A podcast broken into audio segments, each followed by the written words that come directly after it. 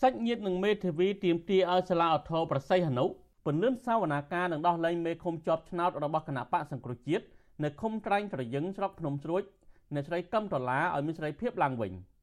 បងស្រីបង្កើតរបស់អ្នកស្រីកឹមដុល្លារគឺលោកស្រីកឹមសេដ្ឋារៀបរាប់ថាលោកស្រីរួមទាំងឪពុកម្ដាយចាស់ជរាកំពុងខ្វល់ចិត្តជាខ្លាំងចំពោះការឃុំខ្លួនអ្នកស្រីកឹមដុល្លារព្រោះគាត់មានជំងឺរលាកក្រពះពោះវៀន និងដោះសាច់បំពង់កដែលត្រូវការថ្នាំពេទ្យជាប្រចាំលោកស្រីយល់ថាការចាប់ខ្លួននេះគឺជារឿងអយុត្តិធម៌ព្រោះប្អូនស្រីលោកស្រីជាមនុស្សស្អាតស្អំនិងបានឈប់ពាក់ព័ន្ធនឹងរឿងនយោបាយជាយូរមកហើយអារម្មណ៍ខ្ញុំនឹងចង់ឲ្យតែមានការដោះលែងគាត់ឲ្យមានសេរីភាពអញ្ចឹងព្រោះគាត់គាត់ឈឺលាកពះពវៀនហងហើយដោះសាច់កគាត់នឹងគាត់លេបឆ្នាំជាប្រចាំអញ្ចឹងជាយល់ថាយុត្តិធម៌សម្រាប់គាត់អញ្ចឹងដែរព្រោះគាត់លាលែងអីអស់ហើយអញ្ចឹង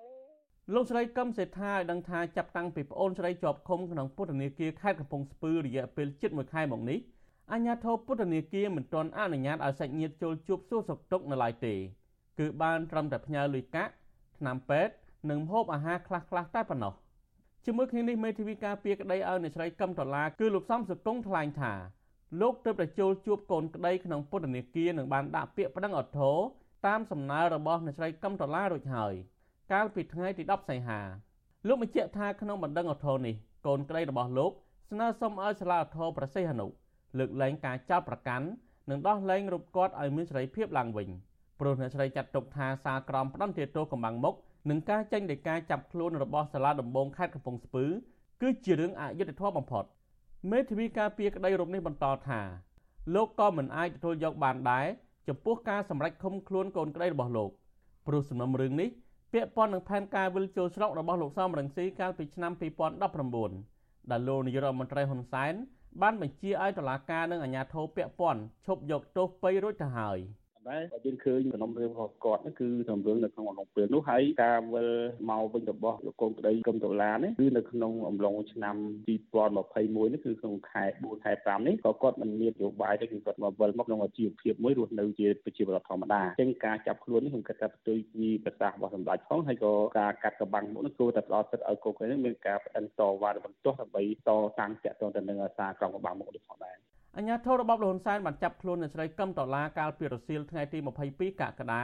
ហើយបានបញ្ជូនទៅឃុំខ្លួនក្នុងពន្ធនាគារខេត្តកំពង់ស្ពឺនៅព្រឹកថ្ងៃទី23កក្កដាការចាប់ខ្លួននេះគឺអនុវត្តតាមសារក្រមផ្ដន្ទាទោសកំបាំងមុខរបស់ចៅក្រមជំនុំជម្រះសាលាដំបងខេត្តកំពង់ស្ពឺគឺលោកអ៊ីសាវិញកាលពីខែមេសាឆ្នាំ2021ដែលសម្រេចផ្ដន្ទាទោសអ្នកស្រីកឹមដុល្លារនិងសកម្មជនគណបកសង្គ្រោះជាតិ6រូបទៀតឲ្យជាប់ពន្ធនាគារ1ឆ្នាំ។ និងពិន័យជាប្រាក់2លានរៀលពីបទញុះញង់ប្រព្រឹត្តបទល្មើសអក្រិតជាអាតពាក់ព័ន្ធនឹងការគ្រប់គ្រងផែនការវិលចូលស្រុកវិញរបស់លោកសំរងស៊ីការចាប់ខ្លួនសមាជិកគណៈបកប្រឆាំងរូបនេះកើតឡើងក្រោយពេលអ្នកស្រីកឹមដុល្លារវិលត្រឡប់មកពីប្រទេសថៃទៅរស់នៅស្រុកកំណើតវិញមួយរយៈហើយបដិសេធមិនព្រមចោះចូលជាមួយគណៈបកកណ្ដាលអំណាចតាមការបញ្ចុះបញ្ចូលរបស់អាជ្ញាធរមូលដ្ឋាន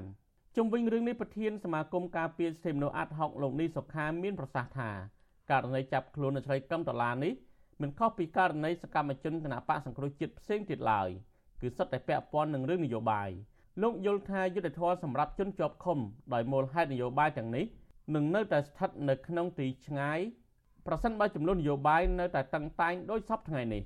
បើសិនជារដ្ឋាភិបាលលោកនៅតែចង់ដឹកនាំប្រទេសឲ្យមានការអភិវឌ្ឍស្របទៅតាមគោលការណ៍ប្រជាធិបតេយ្យនិងការគោរពសិទ្ធិមនុស្សខ្ញុំគិតថារឿងដែលត្រូវដោះស្រាយបញ្ហាជាប់គាំងខាងនយោបាយនេះគឺជារឿងចាំបាច់បំផុតនៅក្នុងដំណាក់កាលមុនពេលបោះឆ្នោតនេះហើយជំហានទី1នៃការចាប់ផ្ដើមនេះគឺការដោះលែងញាក់ដែលជាប់ឃុំដោយរឿងកត្តានយោបាយកត្តាសង្គមកត្តាសិទ្ធិមនុស្សកត្តាអីនៅឡើយបាទដើម្បីបង្ហាញអំពីអេរយាប័តហ្នឹងហើយបើសិនជារដ្ឋាភិបាលបាលមិនធ្វើការដោះស្រាយបញ្ហានោះទេខ្ញុំគិតថាទៅមុខទៀតហ្នឹងគឺសម្ពាធចេះតែបន្តមានពីប្រទេសសេរីប្រទេសប្រជាធិបតេយ្យមួយចំនួនហ្នឹងហើយបាទតិចមិនផុតទេ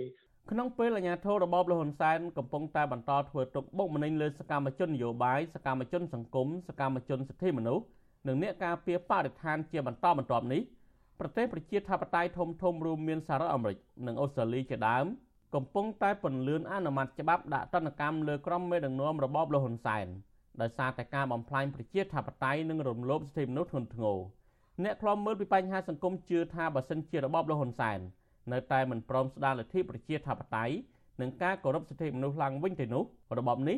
នឹងមិនជៀសផុតពីការដាក់ទណ្ឌកម្មរបស់ក្រុមប្រទេសប្រជាធិបតេយ្យនោះឡើយខ្ញុំទីនសាការីយ៉ាស៊ីសេរីប្រធានីវ៉ាស៊ីនតោន